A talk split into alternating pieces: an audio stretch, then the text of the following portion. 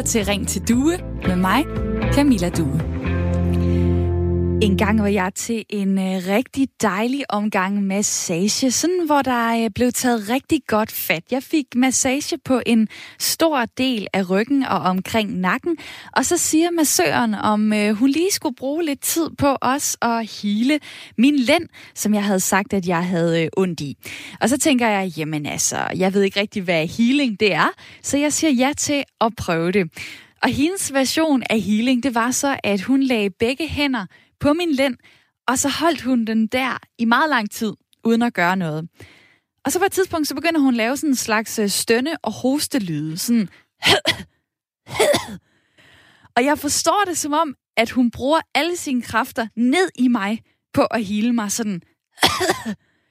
Men det der er, det er, at jeg kan bare ikke rigtig mærke noget, og jeg føler det som en lidt underlig situation, så jeg beder hende faktisk om at stoppe med det, og jeg siger, at jeg vil faktisk hellere have massage en healing, som er det, jeg har betalt for.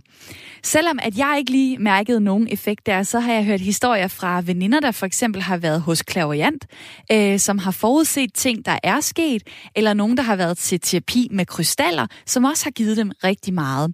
Men fremover, der skal alternative behandlere, som ikke er autoriseret, de skal ikke have lov til at behandle meget syge folk, for eksempel med kraft.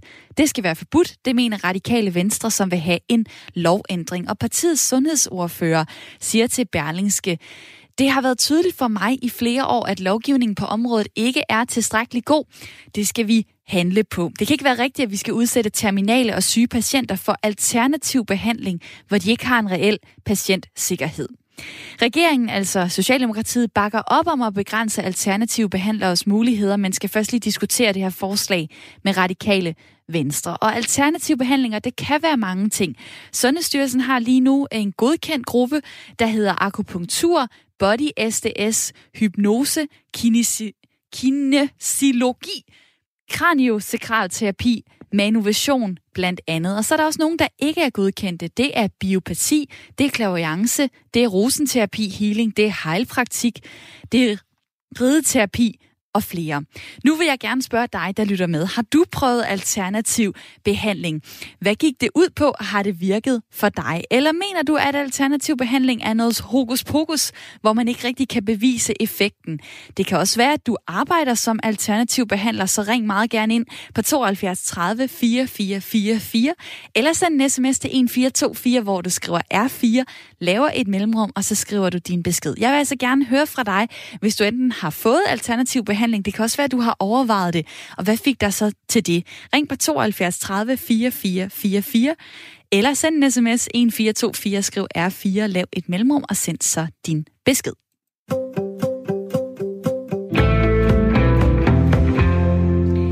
Og jeg har også et øh, lytterpanel i studiet i dag. Det er Christina og Christoffer. Hej med jer. Hej. Christina Kusk, du øh, bor i København, du er 73 år, pensionist, tidligere billedkunstner, har to voksne børn, fem børnebørn og et oldebarn på vej. Du kan lide at tegne og cykle i naturen, og så kan du godt lide Grønland. Velkommen til. Tak. Christoffer Hjort Kruse, du er 27 år, du bor i København, du studerer teologi, du har kone, lille barn, kan lide at gå i kirke, kan lide at snakke med folk og spille brætspil, og kan også godt lide at gå ture. Og Christoffer, hvad, hvad siger du til dagens emne, alternativ behandling? Jamen, jeg synes, det er et interessant emne, og jeg synes, det er interessant, at radikale stiller lovforslag om, at man skal forbyde det, fordi i den, i den forståelse ligger der også en tanke om, at, at vi lægevidenskabeligt kan begribe hele sandheden, og kan begribe alt, hvad, alt, hvad der er at vide. Og det, det, øh, det tror jeg er for stor en tillid at have til lægevidenskaben på nuværende tidspunkt. Der tror jeg simpelthen, jeg tror på, at der er mere, mere imellem himmel og jord der. Men på den anden side kan jeg godt se problematikken i, hvis en kraftram tror, at at efter at blevet helet med krystaller, så skal man ikke gå til læge. Øh, så jeg, jeg synes, der er, der er et bestemt dilemmaer i emnet. Christina, hvad synes du, det er, det er spændende med alternativ behandling, eller er det bare for mærkeligt? Jeg har det sådan, jeg synes, at troen flytter bjerge. Så hvis du tror på, at krystallerne kan, kan gøre noget godt for dig, så, så synes jeg, det er helt okay. Og I er jo med mig her den næste time i Ring til Due, som er Radio 4 samtale- og lytterprogram. Jeg hedder Camilla Due, og som du kan høre, så har jeg hver dag lytter i studiet. Men det er også rigtig vigtigt for mig, at dig, der lytter med, kommer med i snakken, hvis du har lyst til det. Du kan ringe på 72 30 4444 eller sende en sms til 1424. Skriv R4, lav et mellemrum og øh, så din besked. Og øh, vi har en øh, lytter med på øh, telefonen nu. Det er Karsten. Hej med dig. Åh, oh, nej. Nå, det er det ikke. Det, Nej, hvem er det så? hedder- Jeg hedder Annie, og hun Jamen. lover, at jeg kunne komme ind som første. Jamen, det gør du så også, Annie. Velkommen til øh, programmet. Hvorfor har du ringet ind? Jamen, det er fordi, jeg har prøvet en masse øh, alternativt igennem mit liv, og jeg er ret gammel. Jeg er over 80. Men nu har jeg fundet en behandling, som har hjulpet mig rigtig meget. Og hvad er det? Og det hvad går det ud på? Jamen, jeg faldt ned af en trappe, og der slog jeg min ryg. Og først to år efter, jeg havde faldet ned, der øhm, fik jeg smerter. Og de smerter har jeg ikke kunnet få væk uden med meget stærke piller. Og nu har jeg fundet den her behandling. Det er sådan noget elektrolyse, man får sådan nogle, øh, øh, ja, sådan nogle på, der giver nogle øh, behagelige vibrationer i kroppen. Og det har fået løst det der de der muskler, der har været låst fuldstændig fast, det er blevet låst. De blev låst op, så jeg er frisk nu. Er det, Og, er, øh, det, er det alternativ behandling, eller er det noget, der foregår inden for øh, sådan sundhedssystemet? Nej, desværre er det ikke det, men det er det i Norge, og den har været, det, har, det er en læge, der har udviklet det her. Det har været fremme i 50 år i Norge, og det er under sundhedssystemet derovre, fordi det er en meget god smertebehandling. Hvad, Og, hvad, siger, øh, hvad siger du til, at det så ikke er anerkendt øh, her i Danmark? Ja, det er det, fordi vi er så bange for at anerkende noget, der går i vejen for lægerne. Det er derfor. Fordi jamen, det er man så forsigtig med. Det er ligesom dem, der er rigtig dygtige til akupunktur. De, kan, de er jo så i midlertid blevet godkendt, som man bruger som smertebehandling også. Men øh, vi er meget langsomme i Danmark til at godkende sådan noget. Og jeg vil så også sige, at der er mange pladuler, der ligger, og- og det kan jeg slet ikke snuppe, at de siger, at de kan helbrede kræft, og så kan de ingenting alligevel. Det, det synes jeg er forfærdeligt, at man, man øh, udnytter folk på den måde. Og Annie, du er Men, faktisk på øh, vej det- til behandling nu. Ja, det er Ja, jeg. jamen øh, god fornøjelse med det. Jamen, tak skal du have. Og Annie ringede ind på øh, 72 30 4444. Christoffer, hvad siger du til det, du lige hørte her? Jamen, jeg synes jo, det er interessant. Det giver lidt udtryk for den balancegang, der også ligger i temaet. At hun har jo tydeligvis været glad for det her elektrolyse, jeg kan ikke helt huske, hvad det hed, som åbenbart er anerkendt i Norge. Og der er faktisk flere gange, hvor Norge eller Sverige eller Tyskland har anerkendt noget i sundhedssystemet, som vi ikke vil anerkende i Danmark. Øh, Så der er også for mig at se noget, noget problematisk i, hvis vi fuldstændig skal negligere, at det kan have en effekt. Men på den anden side, så kan jeg godt forstå de læger, der siger, at det skal være efterprøvet, før vi faktisk tør, tør begynde at gøre brug af det. Hvad, hvad, tænker du, øh, Christina? Altså, øh, nu stillede jeg det der spørgsmål ud til lytterne, øh, om de har prøvet det, eller om de synes, det er øh, hokus pokus. Hvad er din øh, holdning til det?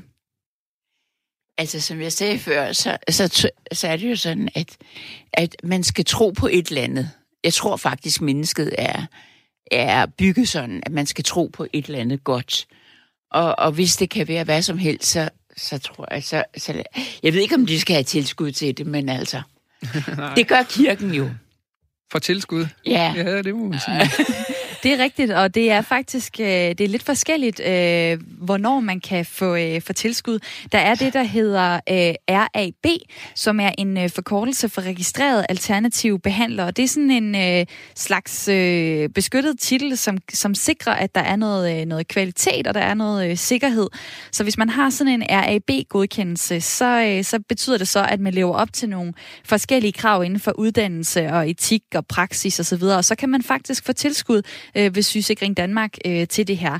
Og øh, jeg nævnte jo nogle af de forskellige øh, behandlingsformer i starten, hvor Sundhedsstyrelsen har været inde og sige, det er det, man kalder RAB-former, og nogle er så ikke. Jeg kunne godt lige øh, tænke mig at, øh, at nævne dem for jer igen, fordi der er simpelthen nogle af dem, som jeg ikke øh, faktisk vidste, hvad var, inden jeg begyndte at øh, kigge på det her program i dag. Øh, vi har den, de godkendte akupunktur, body SDS, hypnose, kinesiologi, kraniosakralterapi og manuvision. Ved I, hvad alle de der former er? Nej, og det interesserer mig jo heller ikke. Altså, hvis jeg nu havde et eller andet op i hjernen, så er det muligt, at jeg ville prøve at sætte mig ind i det. Men jeg, har, jeg fejler ikke sådan noget voldsomt. Men jeg synes, at det, jeg har haft tættest inde på livet, det er min veninde, der ligger på plejehjem og er meget, meget syg og har mange, mange smerter. Og hun har fået lov til nu at få øh, kanbinol eller øh, det der cannabis øh, olie. Ham, ham ja. Og hun er simpelthen, det er simpelthen noget af det, der lindrer det bedst. Mm. Øh, så, og hun ligger for døden, så det, det, det er i hvert fald øh, en ting, som jeg synes, at de skulle have lov at, at få. Nogle af de ikke godkendte behandlinger, det er jo, det er jo så det her rosenterapi healing, det er heilpraktik, det er rideterapi, det er klaviance, og det er biopati. Og nogle af dem kan jeg lige øh, komme ind på senere, øh, hvad det betyder. Men nu er der en øh, Karsten, der så er igennem her i programmet. Hej Karsten. Hej. Du er ikke glad for alternativ behandling. Hvorfor ikke det? Fordi det er nonsens. det er jo bare, det er jo bare for at tjene penge. Min mor var jo kløren på en, der inden hun døde. Og hvad, øh, hvad skete de kunne der, også, eller hun der? kunne også det hele. Hvad, hvad, hvad gik Fjernhealing og krystaller og olie og rent mig. Så din, koster bare en masse penge. Din mor var, var i behandling, fordi at hun var syg. Hvad, hvad, hvad havde hun brug for? Kraft. Hun havde kræft. Men hun kom i, øh, hun kom så i kemobehandling og fik piller. Og hvorfor opsøgte og så, hun alternativ behandling i første omgang? Fordi øh, hun øh, var blevet besnakket. Og der var ikke øh, åbenbart den, den der store kritiske sans. Øh, og jeg kan så sige til teologen, der er i studiet, øh, tro har ikke flyttet ret meget i vores øh, historie. Som, øh, som en videnskabsmand engang sagde, at øh, ekstreme beviser, eller, eller ekstreme påstande kræver ekstreme beviser. Så bevisbyrden ligger på dem, der, der tror på alt det her. Og det kan de ikke. De kan ikke bevise det. Det, øh, det, det tager jeg lige så videre til, til at tro på det. Det tager jeg videre til lytterpanelet lige om lidt. Jeg kunne godt tænke mig øh, at lige spørge dig, det er jo rigtig ubehageligt, når man får nogle, nogle dårlige oplevelser med nogle behandlinger, som man håber kan hjælpe en. Øhm, nu spørger jeg lige lidt fragt, men ved du egentlig, at det ikke hjælp? Hvis nu at det har hjulpet, så havde det etableret sygehusvæsen nok også brugt det. Jeg kan bare se Kanal 5 i går, hvor en, øh, en, øh, en påstået kraftpatient får udleveret sukkerpiller med påstået, øh, at der skulle være 40 uger deri. Det er simpelthen, det burde være strafbart. Så du er helt klart og, og, imod altern- frit spil i forhold ja, til øh, alternativ behandling? Fuldstændig. Det vi kan bevise, øh, og som har en virkning, det kan vi bruge som akupunktur. Men alt det her med energipåvirkning og krystaller og fjernhealing og jeg ved ikke hvad, tankefeltterapi. Det er ikke noget for dig? Nej, det, det, det, er bare, det er bare nonsens. Tak fordi, at du ringede ind til programmet. Øh, vil give mig ret i, der sidder i lægevidenskaben. Det er i hvert fald en af de uh, snakke, jeg gerne vil tage videre lige om lidt. Tak for din tid, ja. Karsten. Ja, og uh, tak fordi du ringede ind til programmet, og også tak fordi du lytter med. Uh, det er jo nummeret 72 30 44 44, hvis uh, du har lyst til at uh, ringe ind. Det kan være, at du sidder som alternativ behandler, og lige har lyst til at uh, fortælle lidt om, hvorfor det ikke helt er uh, så nonsens, som der blev sagt uh, her på uh, telefonen. Der er en Tina, der skriver på sms'en, Godmorgen, det er et vildspor, at politikere tager patent på sandheden. Der findes udulige læger såvel som platuler, og sidstnævnte kunne måske stoppes gennem en mere seriøs øh, godkendelse. Skulle hypnose være fup? Ej, come on, vi ved da bedre, skriver Tina på øh, sms'en. Jamen, jeg føler lige, at jeg bliver nødt til at svare Karsten på hans øh, udfordring til teologien, eller hvad skal man sige. Det var faktisk David Hume, der er filosof og ikke naturvidenskabsmand, der talte om det her med, at, at overnaturlig tro kræver overnaturlige beviser. Og så siger han der med, at troen ikke har flyttet bjerge, men det er meget, meget interessant, når man ser historisk på det, idehistorisk på det, så hele naturvidenskaben udspringer jo i, i stor grad af kristne tænkere. Blandt andet Isaac Newton var meget, meget religiøs mand, og troede netop på, at Gud havde skabt en verden, der var i orden, og en verden, hvor vi kunne lave observationer i tillid til, at det samme sker igen dagen efter. Så, så kristendommen og naturvidenskaben har faktisk gået hånd i hånd, øh, rent historisk set, og kristendommen har været helt afgørende for udviklingen af naturvidenskaben. Og da vi talte sammen i øh, telefonen øh, i går, for lige at øh, for snakke lidt om programmet, så sagde du, at, øh, at der er noget, der hedder Jesu tommelfingerregel i forhold til det her. Hvad går det ud på? Jeg, jeg, jeg tror, det var et navn, jeg lige opfandt, faktisk. Jeg synes, men, det er et godt navn. men, men Jesus siger i Matteus evangeliet 8, hvor han har helbredt en, øh, så siger han, at han skal gå op og blive undersøgt af præsten. Jeg mener, det er en spedalsk, der er blevet helbredt. Og der var praksis, at det var præsten, der vidste, hvornår var man spedalsk, og hvornår var man ikke spedalsk. Og jeg kunne jo ønske, at man kunne have samme regel, når man havde været til alternativ behandler, at det ikke virkede, før at en læge havde sagt god for, at det havde virket, og en læge havde undersøgt, om sygdommen stadig var til stede. Fordi om folk har lyst til at prøve krystalhealing, eller hvad ved jeg, det, det, skal, det skal de i min optik sådan set føle sig fri til. Jeg synes bare ikke, at de skal tro på krystalhealerens ord om, at nu er det væk. Der synes jeg, det skal efterprøves af en læge. Christina, du har jo på et tidspunkt besøgt en medicindoktor i Kenya. Ja. Hvad gik det ud på? Uh, altså, jeg vil først sige, at det er jo sådan, dernede ved medicindoktor og den slags, at øh, man skal kende dem. Man skal helst være i familie med dem, for at være sikker på, at de udøver det gode. Fordi en medicinmand, han kan både udøve det dårlige, det onde og det gode. Men, her Men hvad var, skulle du til ja, medicindoktor for? Det var min kærestes far, som var øh, specialist i astma. Og jeg har lidt af astma sådan overfandt hele mit liv navnlig da jeg var barn, var jeg meget syg af det. Så øhm, jeg tænkte, okay, hvorfor ikke tage den oplevelse med? så vi kørte ud, hvor de boede ude i buschen langt pokker i vold. Hmm. Og så øhm, gik de straks, han gik straks i gang med at sende sin kone og alt muligt ud for at finde den her specielle plante, som har nogle rødder, som øh, altså modvirker astmaen, som udvider bronkierne. Og nu øh, springer vi lige frem til, øh, til afslutningen af historien. Hjælp det? Altså, jeg, det, det sjove var, at da jeg, da jeg kogt på de her rødder i lang tid, så skulle jeg drikke dem, og jeg drak af det, og det smagte fuldstændig som professor Brun havde ordineret mig som barn på Gentofte Amtssygehus. Og det var noget chok. Jeg kunne ikke fordrage den hosesaft. Men, Men hjalp det? Spørger nej, jeg så igen. Nej, det synes jeg ikke, det gjorde. Og det, jeg, han fortalte mig, at det var fordi, at jeg kom for sent man skal komme til meget tidligere i forløbet. Man skal jo ikke mm. vente til, til sidste sekund. Nå, så vi, vi kørte tilbage til uh, Mombasa, og jeg gik til min egen indiske læge, som jo er kristen.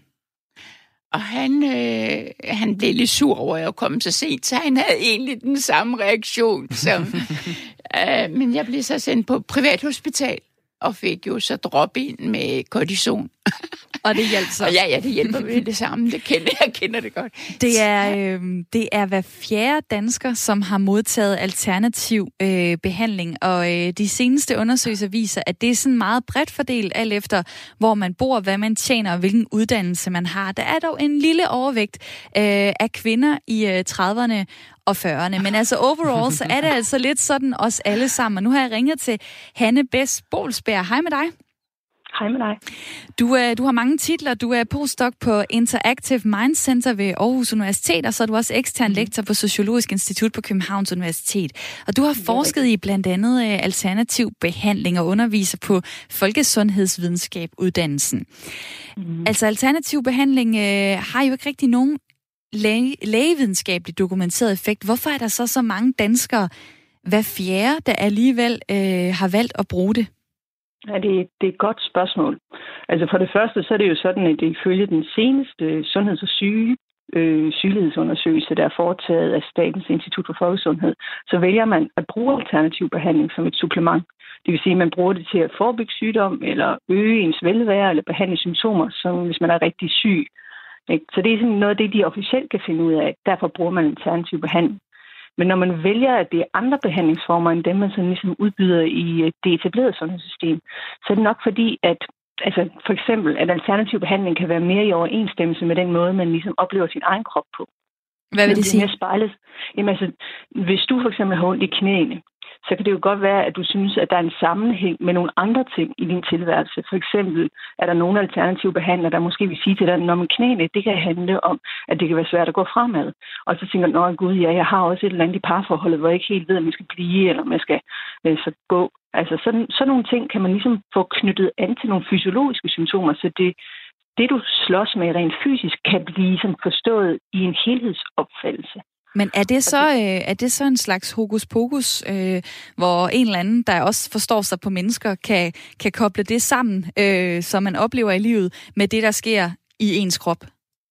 Altså, jeg vil jo ikke opleve det som hokus pokus, men snarere som en forståelsesramme eller et virkelighedssyn, som du bliver præsenteret for.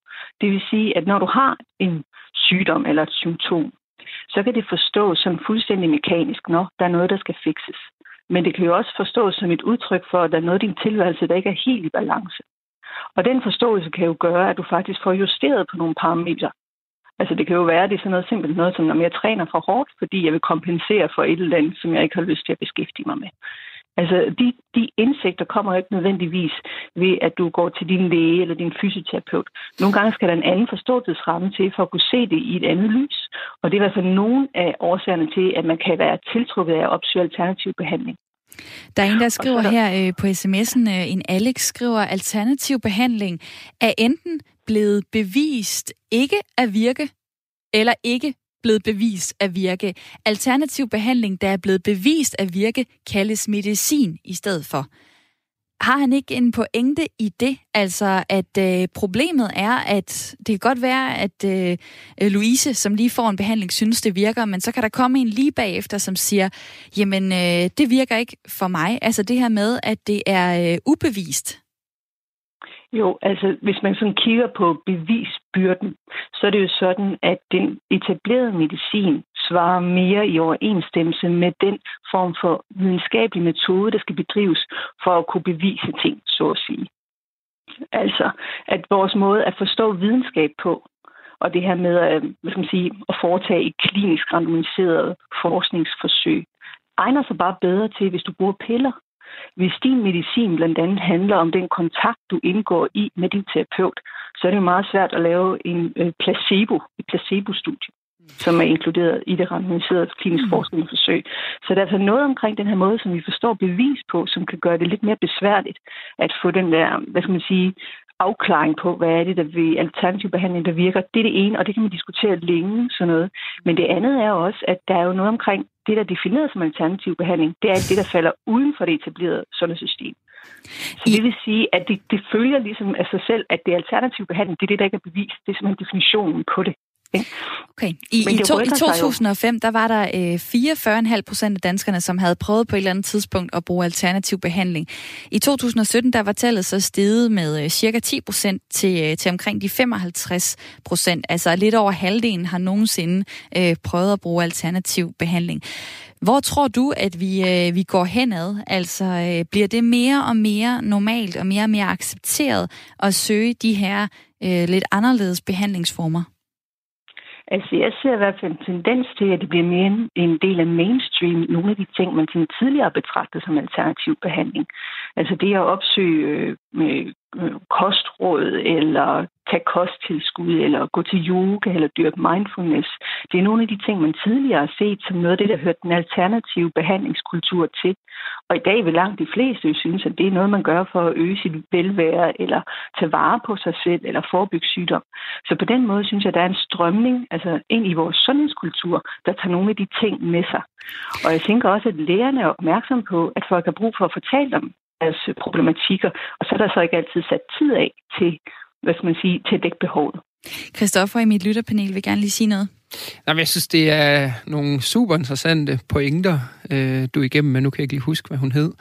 Men men der er en interessant også øh, distinktion for mig at se imellem sådan en, en mere modernistisk tænkning, hvor man regnede kroppen som meget mekanisk, hvor man vidste bare, hvad der skete, når man gav en pille, eller sådan, til det mere postmodernistiske, hvor man også ser kroppen mere som en helhed, og også regner noget psyke og sjæl med ind. Og det synes jeg er jo meget, meget interessant, hvordan det også kommer til at påvirke sundhedssystemet. Og det synes jeg er interessant, at det er jo netop nogle gange svært at teste, fordi at det også bliver individuelt. Jeg, øh, jeg tager ordet tilbage her og øh, siger øh, tak for din tid, Hanne Bæs Bolsberg. Selv tak. Postdoc på øh, Interactive Mind Center ved Aarhus Universitet og ekstern lektor øh, på Sociologisk Institut på Københavns Universitet. Lige om lidt skal vi have et nyhedsoverblik. Men Christina, jeg kan godt lige tænke mig at øh, spørge dig, skulle vi til at stoppe med at, at være sådan lidt fordømmende over for, for folk, der prøver de alternative behandlinger? Mm, ja, det, det skal man jo selvfølgelig prøve på. jeg ved ikke, hvad jeg skal svare. Nej. Det er altså, jeg har, jeg har meget respekt for andre kulturer. Hvis de i deres kultur, vi har mange kulturer læger, og jeg kunne forestille mig, at der er alternative behandlere blandt dem. Og det synes jeg er meget mere interessant. Fordi det er jo, det er jo en del af deres folke og deres forståelse af sig selv. Men det er det jo så alligevel også for danskerne, hvis det er øh, hver fjerde dansker, der det seneste år har, øh, har lagt sig på en briks hos en øh, alternativ ja. behandler. Nogle af de patienter, der oftest øh, søger råd, det er øh, kraftpatienter, øh, og det er øh, nogle af de eksempler, som øh, vi har hørt om, hvor man kan sige, hmm, er der et eller andet galt med øh, en øh, behandler, øh, for eksempel, som der blev nævnt, øh, for Carsten, der ringede ind på telefonen, nævnte en behandler på Kanal 5, som man kunne se i går aftes øh, en, øh, en udsendelse om. Han mente, at han kunne se øh, kraftceller på en patients øh, venstre lunge ved at se på øjet. Mm. Og det var så en FUB-patient, der var sendt ind for lige at teste, om han kunne det, og det kunne han så ikke. Og vi taler videre om øh, kraftpatienter og øh, det ansvar, der er i forhold til øh, dem lige om lidt. Nu skal vi have et nyhedsoverblik med Anne Philipsen.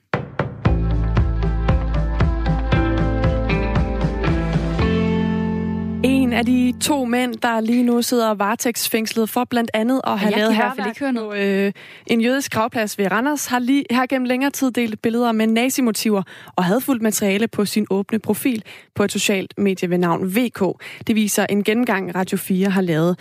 Radio 4 har over de seneste dage gennemgået alle opslag, den nu varetægtsfængslede Jakob Volum Andersen har lavet på VK, som er et russisk socialt medie, der ligner Facebook til forveksling. Et af billederne forestiller for eksempel en tegnet plakat i sort og hvid med teksten Bliv aktivist og hjælp med at dræbe parasitten. På billedet kæmper en ridder mod en drage. Ridderen er iført en rustning med den danske nationalsocialistiske gruppe, den nordiske modstandelsesbevægelses logo på. Dragen har stereotypiske jødiske tegn som Davids stjerner over hele kroppen og en kalot på hovedet. Og sådan et billede kan være i strid med loven om at dele, øh, i loven at dele på sociale medier.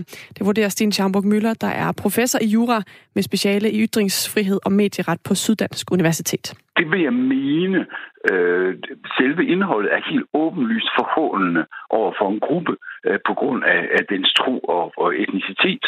Øh, og så er der så det der med det offentlige, og, og hvis det bliver delt, altså hvis, det, hvis ikke er det en helt lukket gruppe, men en åben, altså øh, på et socialt medie eller hvad det er, ja, så er det offentligt, og så er det strafbart. Vi ville gerne have talt med Jakob Volum Andersen selv, men han sidder varetægtsfængslet lige nu, og hans forsvarsadvokat Lars Nørgaard Knudsen har hverken kommentar til sagen eller billederne. Det var heller ikke muligt at få viderebragt spørgsmål til Jakob Volum Andersen. Patent- og Varemærkestyrelsen går i dag ud og advarer imod at købe kopivarer. Advarslen kommer i forbindelse med Black Friday i morgen, hvor de gode tilbud de står i kø. For der er mange ulemper ved at købe falske varer. Flere af dem kan nemlig være direkte farlige for forbrugerne, hvis de for eksempel indeholder sundhedsskadelige stoffer eller på en anden måde ikke lever op til de danske sikkerhedsstandarder. Hvor det engang mest var luksusvarer, der blev kopieret, så er det i dag næsten alle typer af varer, og derfor så er der altså stadig brug for at minde os om, at det er en dårlig idé at købe kopivarer, mener Patent- og Varemærkestyrelsen. Et af de tip, som styrelsen har til at undgå at købe kopivarer på nettet, det er at være opmærksom på, om der er sprogfejl eller skæve priser på hjemmesiden. Hvis prisen er mistænkeligt lav, så kan der også være ekstra god grund til at tjekke en ekstra gang, om sælger har rent mel i posen. I Storbritannien står premierminister Boris Johnsons konservative parti til at vinde 359 mandater ved valget, når britterne skal til stemmeurnerne den 12. december. Det viser en omfattende måling fra instituttet YouGov ifølge nyhedsbyrået Reuters.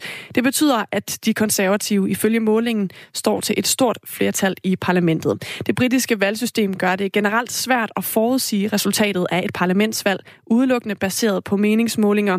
Men YouGovs måling er baseret på en model, der der kan spå om valgresultatet med større præcision end almindelige meningsmålinger, meningsmålinger kan.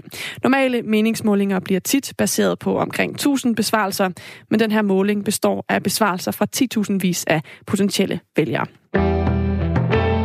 Vi er i gang med en dag, der byder på mest skyet og diset vejr og til tider regn. Temperatur mellem 7 og 9 grader og let til frisk vind.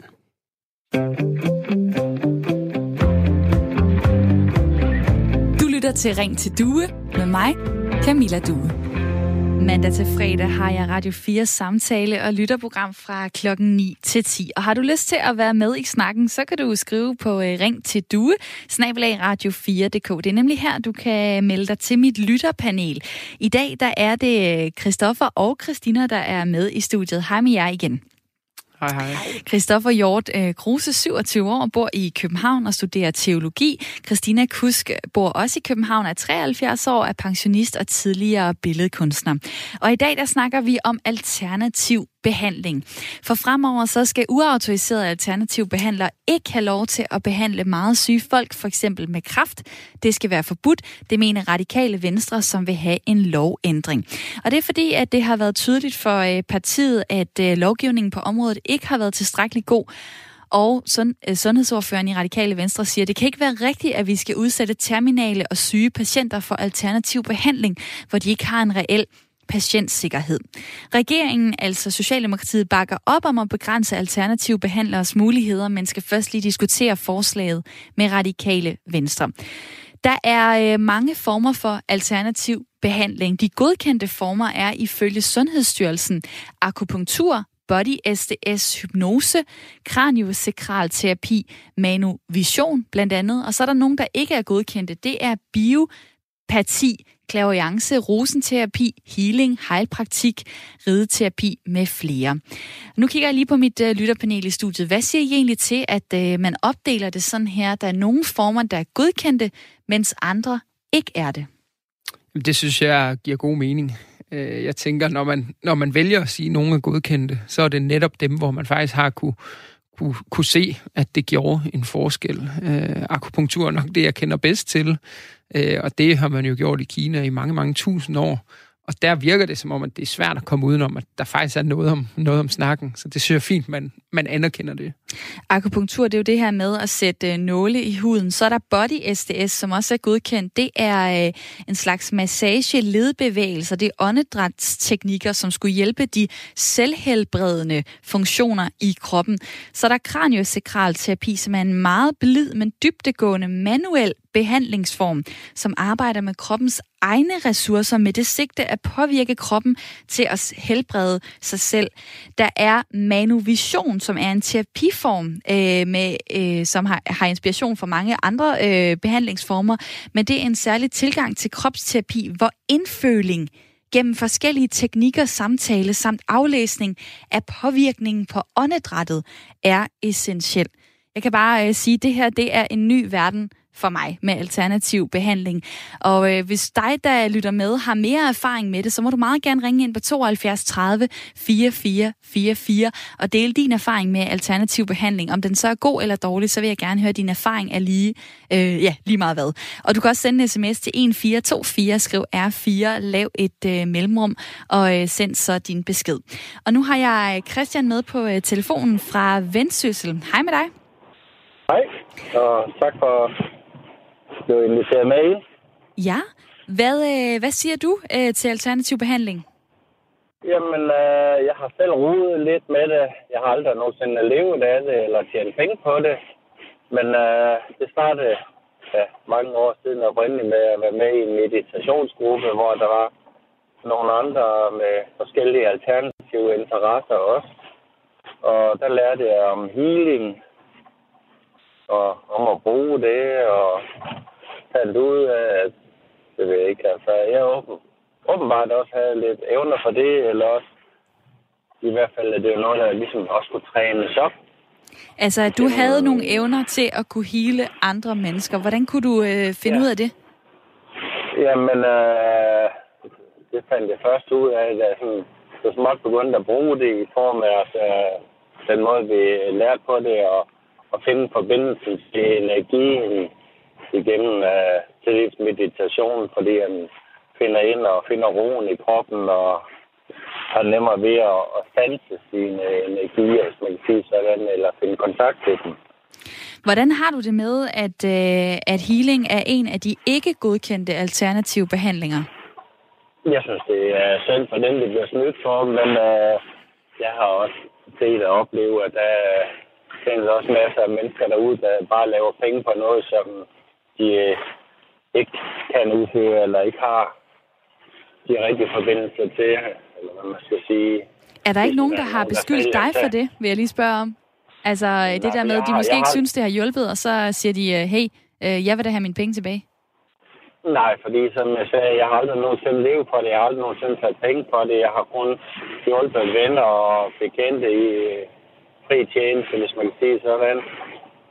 Og de har været glade for det? At hjælpe andre, fordi at, jeg mener ikke, at jeg har fået den, den gave, hvis man kan kalde det en gave, for at det er noget, jeg skal rende og leve af, eller tjene penge på. Hvis det er meningen, man skulle kunne hjælpe andre, så må det være for, at man skulle kunne hjælpe dem, der har brug for det. Christian, tak fordi du ringede ind til programmet. Ja, og så vil jeg lige sige en lille ting til. Det er, uh, før i tiden, der tid sådan en som øh, kiropraktik. Det var også inden for alternativt. Og jeg kan også give dig et par eksempler på ting, hvor jeg kan se, at det har, har haft hjulpet andre, det jeg har lavet. Og hvis du var på en uh, lidt bedre telefonforbindelse, Christian, så vil jeg gerne uh, tage det ind, men uh, det er faktisk lidt svært at, at høre, hvad du siger, så derfor så siger jeg tak for uh, snakken nu, Christian uh, fra uh, Vendsyssel, men som jo lige nåede at nævne den her pointe med uh, geopraktik, som uh, på et tidspunkt øh, det har jeg jo så ikke lige tjekket, men var alternativ behandling. Er det ikke også det, som vi kommer til at se i fremtiden, at der er nogle ting, som vi lige nu siger, ej, det tror vi ikke på, og det er ikke bevist, altså for eksempel healing eller rideterapi eller sådan noget. Og så øh, om et par år, jamen, øh, så siger vi, ej, men vi kan jo se, at det hjælper nogle mennesker, så, øh, så nu kommer det måske på øh, godkendt behandlingslisten. Kunne vi ikke, altså tror I, at det er sådan, det kommer til at, at, at gå skridt fremad? Ja, det, det er svært at sige, men jeg tror da helt sikkert, at, at lægevidenskaben kommer til at rykke sig på det, og jeg tror bestemt ikke, vi har alle svarene nu. Jeg ved, der er en forsker nede på Syddansk Universitet, mener han hedder Niels Christian Witt, der forsker i, øh, i hvad bøn betyder øh, mm. på hospitaler, mm. og han har ret positive oplevelser af, at når der er nogen, der beder for en patient, så går det generelt bedre. Og det er jo, der er vi jo ret meget inde på teologiens verden. Han har både læst teologi og medicin. Øh, og det synes jeg jo er hammerende interessant, det der med at, at faktisk få undersøgt i højere grad, hvad er der også på spil i sådan noget. Ikke at man skal stoppe med at lave de medicinske behandlinger, men hvis vi faktisk kan forbedre chancerne i bøn, jamen hvad, hvad betyder det så? Det peger jo næsten på, at der er, der er mere mellem himmel og jord. Og der vil jeg lige pege på, en øh, bøn er jo øh, gratis, hvorimod at øh, alternative behandlinger koster lidt forskelligt. Jeg har lavet en Google-søgning. Øh, Clairvoyance, øh, 600 kroner for eksempel for 45 minutter. Healing, 700 kroner for en behandling. Rideterapi, 780 kroner for 60 minutter. Biopati, 1400 kroner for en time til halvanden sam- samtale. Og heilpraktik, øh, 1650 kroner. Jeg har sådan søgt lidt vidt og bredt, og jeg vil sige, prisniveauet øh, er mellem de 500 og 1500 kroner per behandling. Er det ikke også noget, vi lige skal tage med ind i øh, betragtningen, at øh, det er æderbuk med mange timer, man har arbejdet for at kunne betale for en times hejlpraktik? Jeg er i den forkerte branche, kan jeg høre. jo, det, det synes jeg da er, er ret mange penge. Øh, og det, øh, det skal jo ikke være op til mig at være dommer, om folk vil bruge så mange penge på det. Hvis man er kraftramt, så tror jeg, at man er villig til at prøve hvad som helst. Men, men jeg vil personligt ikke have lyst til at bruge så mange penge på det. Øh. Hver fjerde kraftpatient øh, har forsøgt sig med alternativ øh, behandling, og det er noget, som øh, patienterne også gerne vil tale om og øh, få vejledning omkring, fordi det er et øh, stort marked. Og nu øh, har jeg Susan Lysdal med på telefonen. Hej med dig. Hej. Projektleder i Kraftens Bekæmpelse, hvor du blandt andet arbejder med alternativ øh, behandling. Og når kraftpatienter henvender sig til jer for at få øh, rådgivning øh, inden for det her område, hvad er det så egentlig, de gerne vil vide? Ja, man kan sige sådan helt, helt overordnet, at når kraftpatienter og pårørende, de kontakter os, eller kraftens bekæmpelse, for at tale om alter, alternativ behandling, så ringer de til os, fordi de har brug for et sted til at vende de tanker, der kunne være øh, for og imod øh, den alternative behandling, de nu tænker på. Og øh, det er vores indtryk, at øh, de ringer til os, fordi at øh, de opfatter os som et neutralt sted og et troværdigt sted, øh, hvor vi formidler viden, og så ikke mindst et sted, hvor der er tid til at have den her samtale. Så hvad er jeres råd øh, til dem, hvis de kommer og siger, øh, jamen, øh, jeg har hørt om en klaverjant, øh, som kan mm. gøre det og det, eller jeg har hørt om en healer, eller jeg har hørt øh, om en, en, der kan lave rosenterapi. Øh, hvad er så jeres svar til dem? Ja, man kan sige, at vi kan aldrig rådgive til noget øh, altså specifikt. Vi kan rådgive om alter, alternativ behandling. Så helt overordnet set, når patienter og pårørende de kontakter os, jamen, så vil vi forsøge at få sådan en bred samtale om deres situationer, om sygdommen, og gøre os rigtig umage for at møde det enkelte menneske lige netop der, hvor de er, ikke også? Er det så, fordi, øh, er det fordi det er at folk er kommet... De spørger om, så vil vi fortælle om den viden, vi har på området. Øhm, og så ellers så er det jo meget de her brede samtaler om alternativ behandling, vi har. Der har jo været nogle øh, forskellige historier ude om, for, om nogle behandlere, som ikke helt opererer efter det, I drømmer om øh, hos kraftens bekæmpelse, mm. kunne jeg i hvert fald øh, forestille mig. DR har fortalt om en Martin Heilesen, som øh, ikke mener, at kraft er en sygdom. Øh, og så sent mm. som i aftes, der kunne man på Kanal 5 se en behandler på Lotus Healthcare i Rigskov i Aarhus, mm. øh, tæt ved Aarhus, fortælle om, at han mente at kunne se øh, kraftceller på en patients venstre lunge ved at øh, se på øjet. Og vi skal lige høre et øh, klip fra, øh, fra, den, fra det program. Det, vi skal holde øje med i mors tilfælde, det er de her metastaser, der sidder her. Er det kraften? Det er det, vi kan se i lungen her, ja. Altså sådan sidde og diagnostisere kræft i forskellige organer øh, ved at kigge ind i øjet. Det, det er svindel og humbug. Jeg synes, det er rystende. Og det er vel et af de værst tænkelige øh, tilfælde. Øh, hvad gør I egentlig for, at alternative øh, behandlere ikke øh, snyder, fejlvejleder øh, kraftpatienter? Jeg sige, vi har jo ikke nogen øh, lovhjemmel, men altså hvis vi er, bliver opmærksomme på noget som det her, jamen så retter vi henvendelse til de rette myndigheder, og det vil i det her tilfælde være Styrelsen for Patientsikkerhed. Susan Lysdal, tak for din tid. Det var så lidt. Projektleder i Kraftens Bekæmpelse, hvor du blandt andet arbejder med alternativ øh, behandling. Christina i mit lytterpanel. Ja, jeg, jeg stusser lidt over, at det kun er kraftpatienter, man øh, arbejder med alternativt. Det lyder sådan, fordi der er jo rigtig mange andre øh, alvorlige sygdomme, som der ikke er ret meget fokus på, fordi de ikke har ret mange penge til at forske i det som, som kraftforskningen. Øh, det, jeg kan forestille mig, det er, øh, nu, nu er det fordi, at, at det er mange, øh, der er mange kraftpatienter, som, øh, altså, som jo bliver øh, rigtig syge, og derfor så søger de nogen i hvert fald alternativ behandling. Det, det kan jo sagtens også være, der er inden for andre sygdomme. Det har jeg bare ikke lige taget, taget øh, med her. Øh, men det er fordi, de får at, bare generelt en meget bedre behandling, hvis man er kraftsyg, end hvis man har en anden lungesygdom, eller ja. hvad søren det nu er, øh, så, øh, så bliver der, man får slet ikke den samme pleje, og heller ikke, øh, man kommer heller ikke ind på de specielle, hvad de hedder. Øh, så nogle specielle klinikker, eller kraftpakker, nej, eller hvad tænker du på? Ja, det, ja, kraftpakker, og dem der, hvor man dør, altså... Hospice? Ja, dem har man så ikke adgang til.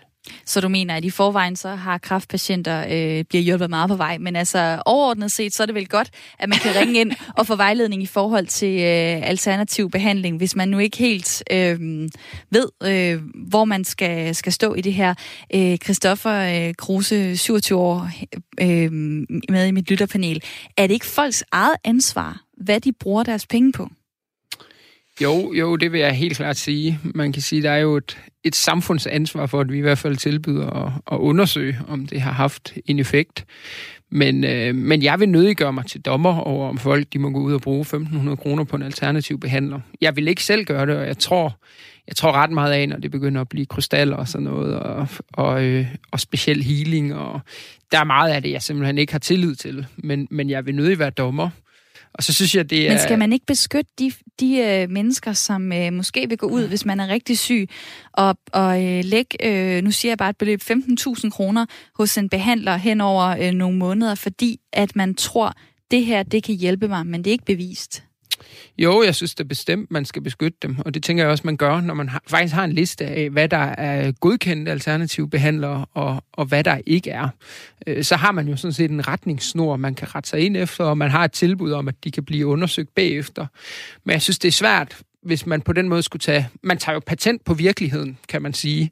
Det er jo radikale venstres forslag, det er jo, at vi skal det, vi skal kunne definere rent medicinsk bare, hvad der kan lade sig gøre, hvad der er virkeligt. Og der synes jeg, at hende forskeren, der var igennem tidligere, netop sat ord på, jamen så, så simpel er virkeligheden ikke altid. Og nogle gange så, så reagerer kroppen også på, at man, man ja, netop tror på, at det har den rette samtale om det, og får de rette briller på i forhold til det. Og det, der er en masse ting, jeg slet ikke forstår i det. Og der, der er jeg meget kritisk i, hvis vi sådan bare fuldstændig skal kunne definere, hvad, hvad, hvad er rigtigt og hvad er forkert dig, der lytter med, kan skrive en sms til 1424. Skriv R4, lav et mellemrum og send så din besked. Og der er mange, der skriver ind lige nu. Tak for det. Øh, oplysning er godt. Forbud er overformynderi. Lad folk selv vælge at have tillid til, at folk selv kan vurdere, hvad der er bedst for dem. Er der en, der skriver på sms'en, så er der en, der er læge. Det er Max, han skriver, det bliver, der bliver potentielt, det bliver potentielt farligt, når alternativ behandling bliver brugt som direkte substitution til evidensbaseret medicin på baggrund af udokumenterede anbefalinger.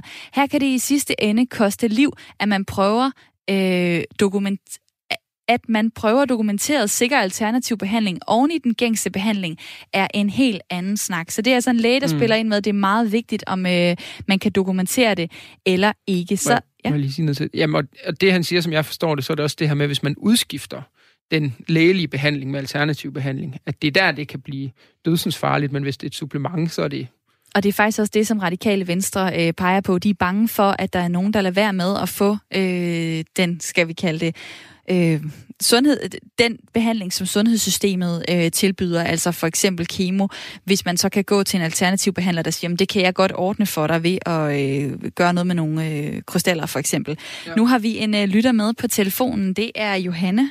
Velkommen ja. til programmet. Tak for det. Og du er for alternativ behandling. Hvorfor det? Øh, jo, fordi øh, jeg var på klavianskursus for 40 år siden, tror jeg det var. Og øh, der øh, fik jeg at vide, at jeg, jeg, jeg er nemlig uddannet zonterapeut. Jeg, jeg fik at vide, at jeg healede også. Men det er sådan, at jeg har skiltet med. Men øh, det er øh, i grunden er ked af, det er, at man siger, at klaviance, det er, er alternativ. Det er, det, er et, øh, det er noget af vores sansapparat. En hund og en kat kan give kan se, øh, øh, hvad hedder det, ser klaviante og så det er noget, vi har glemt. Så du mener, noget, at, burde... at det burde være fuldt godkendt, fordi at, ja, at hvad? det er noget, der er i hver menneske. Men det er det, vi børn og unge og os alle sammen, vi lærer for lidt om det, der er inde i os selv. Fordi der er, vi har for eksempel et computer, der sidder midt i panden lige over øjnene. Og vi har det apparat inde i os. Ja, men, men vi vil jo bombardere med det, der er uden for os. Det, der koster penge. Det, der er inde i os, det koster ingen penge. Og, og det er så synd for børnene, for de sidder der og gør sig tykke eller tynde, fordi de skal prøve at være noget, de er. Netop fordi man ikke godkender, at vi har en hel del ting inde i os selv, som burde læres noget mere om. Johanne, tak fordi du ringede ind til programmet. Selv tak. Og tak fordi, at øh, du lytter med. Øhm, når man taler om alternativ behandling, så, øh, så er der jo nogle skeptikere, der, vil, øh, der ikke kan lade være med at nævne det der, der hedder placebo effekten. Øhm, og man kan jo spørge, hænger placeboeffekten og den alternative øh, behandling sammen? Det har jeg svært ved at svare på, derfor har jeg ringet til dig, Lene Vase. Hej. Hej. Professor i neurovidenskabelig psykologi øh, ved Aarhus Universitet. Øh, hvis jeg tror på min alternative behandling, og tror på, at den virker, og jeg oplever, at den virker, kan man så sige, virker den så i virkeligheden? Jamen, øh, det lyder som et enkelt spørgsmål, men det er faktisk lidt mere kompliceret. Fordi man kan sige, man kan godt opleve, at det virker her og nu, men det, der er det interessante spørgsmål, det er, at mange af de her symptomer, de ændrer sig over tid. Det kan være, at man har kvalme, man har ondt i hovedet, og øh, nogle gange vil det være intenst, og nogle gange vil det være mindre intenst. Og hvis man lige netop får alternativ behandling på det tidspunkt, hvor det alligevel har været mindre intenst, så kan man godt få den opfattelse, at behandlingen har virket. Men hvis man ligesom gerne vil øh, få en undersøgelse af, eller få en fornemmelse af, om den her behandling reelt vil virke, hver gang man øh, laver den, så vil det være en stor fordel, at man har testet, at den patient får det bedre, end de ville have fået det alligevel. Og det her med øh, en placebo-effekt, øh, altså øh, hvorfor er det måske særlig vigtigt at, at øh, tage med, når man taler om alternativ behandling? Altså, jeg ved ikke, om det er særlig vigtigt ved alternativ behandling. Jeg tænker egentlig, det er vigtigt ved alle typer behandling. Vi ved, at placeboeffekter bidrager til aktiv behandling, vi har inden for det etablerede system, og de bidrager sandsynligvis også til alternative behandlinger. Man kan sige, at det, der er essensen i placebo, det er, at man har en god relation til behandleren, og man har nogle forventninger om, at den her behandling den vil virke. Og de faktorer, det kan virke øh, til en øget behandlingseffekt på tværs af både etablerede og mere komplementære og alternative behandlinger. Lene Vase, tak for din tid. Tak. Professor i neurovidenskab ved Aarhus Universitet. Og det er, jo, øh, det er jo altid mega spændende, det her med placebo. Der er også en, der har skrevet øh, ind på sms'en, placeboeffekt er anerkendt. Hvordan harmonerer det med ikke at godkende alternativ behandling? Altså, jamen, hvis folk tror på, at det virker, og det så rent faktisk også fysisk øh, virker, det kan man måle, jamen, hvorfor skal vi så ikke godkende de alternative øh, behandlinger? Øh, Christoffer, hvad, hvad tænker du om øh, placeboeffekten? Fatter du, at den overhovedet findes? Ja, nej, jeg fatter det bestemt ikke. Og øh, min kone er psykolog, så jeg spurgte faktisk hende en gang lidt ind til placeboeffekten om, hvis jeg spiste noget, der var meget usundt, og tænkte, det var sundt, om min krop så ville reagere, som om det var sundt. Og der stoppede placeboeffekten åbenbart. Ej, hvor ærgerligt. Jeg, ja, jeg, jeg tænkte ellers, det var, det var et smart trick. Men nej, jeg har faktisk en, jeg har en kammerat, der har skrevet en opgave om det i forhold til mirakler inden for kirken og hvor man taler både om placebo og det, der hedder pludselig remission, at man pludselig bare bliver rask. Og, øh, og det er meget, meget interessant, fordi han havde et case-eksempel med med en fyr, der var ateist og havde fået en kristen kæreste, og som så ville modbevise det her med mirakler, og gik op for at få bedt for sin ryg. Han havde sådan en svømmeskade. Og så blev helbredt i det. Øh, og det synes jeg, der, der synes jeg, at det begynder at blive interessant, fordi kan placebo lade sig gøre, når man egentlig prøver at modbevise noget? Øh, det, jeg, skal ikke, jeg skal ikke kunne sige, at jeg er ekspert på det, men der, det synes jeg var et interessant eksempel på, hvornår, hvornår går grænsen egentlig på, at kroppen kan, kan snyde en, han har sagt. Der er en vagn, der skriver på uh, sms'en, hvad med forbøn? Er det også alternativ behandling? Rigtig mange har mærket forbedringer eller helbredelse ved, at en troende kristen har bedt for dem. Øh, så er der også en, der skriver på sms'en, det er op til folk selv, hvad de vælger af alternativ behandling. Det skal radikale eller Socialdemokratiet ikke blande sig i. Det er ikke øh, frie valg. Øhm, øh, Christina, det her med, at man kan være overbevist om noget, altså hvis man tror, det virker at gå øh, til en healer for eksempel, eller en clairvoyant, øh, så kan det jo vise sig, at det så ender med os at virke. Ja, det er helt sikkert.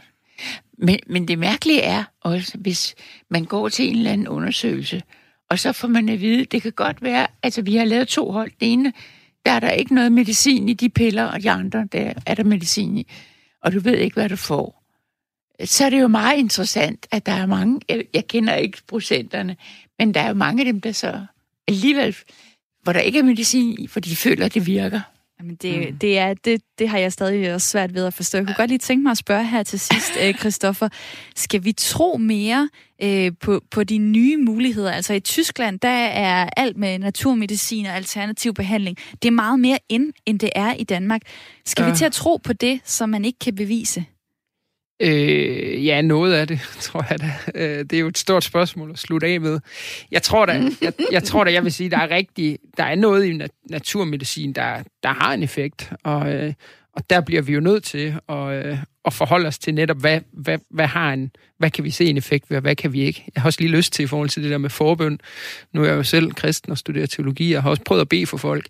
Og jeg, jeg, jeg kan godt se, det er interessant, om det også skal regnes som alternativ behandling. Men i forbøn siger man jo altid, vi aner faktisk ikke, om det gør noget. Øh, det er, det er Gud alene, der kan gribe ind der. Øh, så der får man ikke lovet noget, men der, der beder man og håber på, at der, der bliver grebet ind udefra, han har sagt. Vi når ikke øh, mere i dag. Jeg vil lige nævne til sidst, NetDoktor har en side med gode råd til alternativ øh, behandling, hvor der står, øh, når man investerer tid, forhåbninger og penge mm. i alternativ mm. behandling, vil man selvfølgelig gerne være sikker på, at det virker. Men det er netop svagheden ved alternativ behandling. Der er meget lidt forskning, og derfor så foreslår øh, Konkurrence- og Forbrugerstyrelsen på siden forbrug.dk, at man altid lige taler med sin læge, inden man får øh, behandlinger for en øh, lidelse hos en alternativ behandler. Mm. Tak for alle øh, sms'er i dag. Tak til dem, der har ringet ind, og øh, tak til lytterpanelet her, Christina og Christoffer. Det har været en øh, rigtig dejlig udsendelse, og jeg er tilbage i morgen.